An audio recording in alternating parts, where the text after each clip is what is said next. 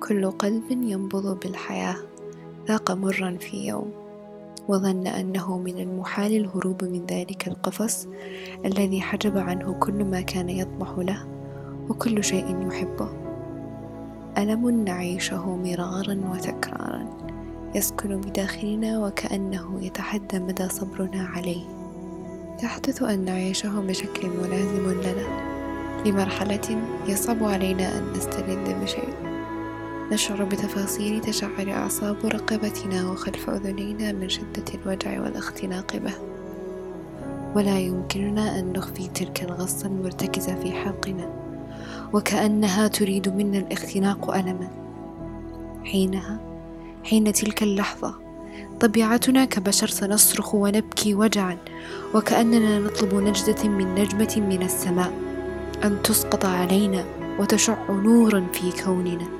لكي يحترق كل ما كان يؤلمنا. لكننا في الآن ذاته نعلم أن ذلك لن يحدث.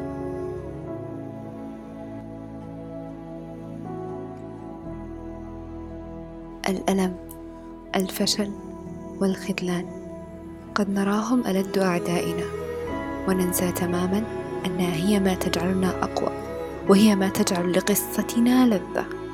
هي ما تجعلنا نتمتع بكل ما هو جميل في حياتنا. قد يقول البعض لولا للحظاتنا البائسة لما كان للسعادة معنا. ينسى الجميع أن ذلك الألم الذي نعيشه لأي سبب أو أي مصدر كان هو في الحقيقة يخدمنا ببناء شيء عظيم في داخلنا رغم مرورته. البعض قد يتخلى عن حلمه. من مجرد لسعة من الفشل. يتجاهل أن ذلك الفشل هو درس يجب أن يتعلمه قبل أن يصل إلى حلمه. الفشل نعمة والخطأ حكمة. رضيت ذلك أم أبيت؟ مشوارك الذي به أنت الآن لأي ما كان هدفك. إن وصلت له بتعب عناء وإصرار. ثق تماما أنك ستشعر بالفخر والسعادة أكثر مما أن حصلت عليه بكل سهولة. لن يكون له أي قيمة. لأنك حصلت على النتيجة التي لطالما حلمت بها في ليلة وضحاها. شعرت به أو ستشعر به. ثق تماما أنك مخيرا ولست مجبرا إما أن تجعل ذلك الألم يدمرك وتسمح له أن يجعلك تقف في طريق نفسك أو تقف عليه بكل قوة وفي ذهنك الدرس الذي تعلمته وبقلبك قوة لا حدود لها.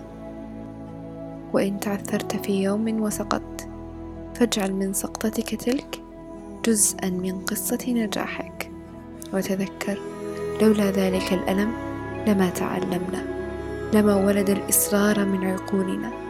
لما كان هناك فرق بين العظماء وبين المستسلمين للفشل. تجري الرياح كما تجري سفينتنا. نحن الرياح ونحن البحر والسفن. إن الذي يرتدي شيئا بهمته يلقاه لو حاربته الإنس والجن. فاقصد إلى قمم الأشياء تدركها. تجري الرياح كما رادت لها السفن.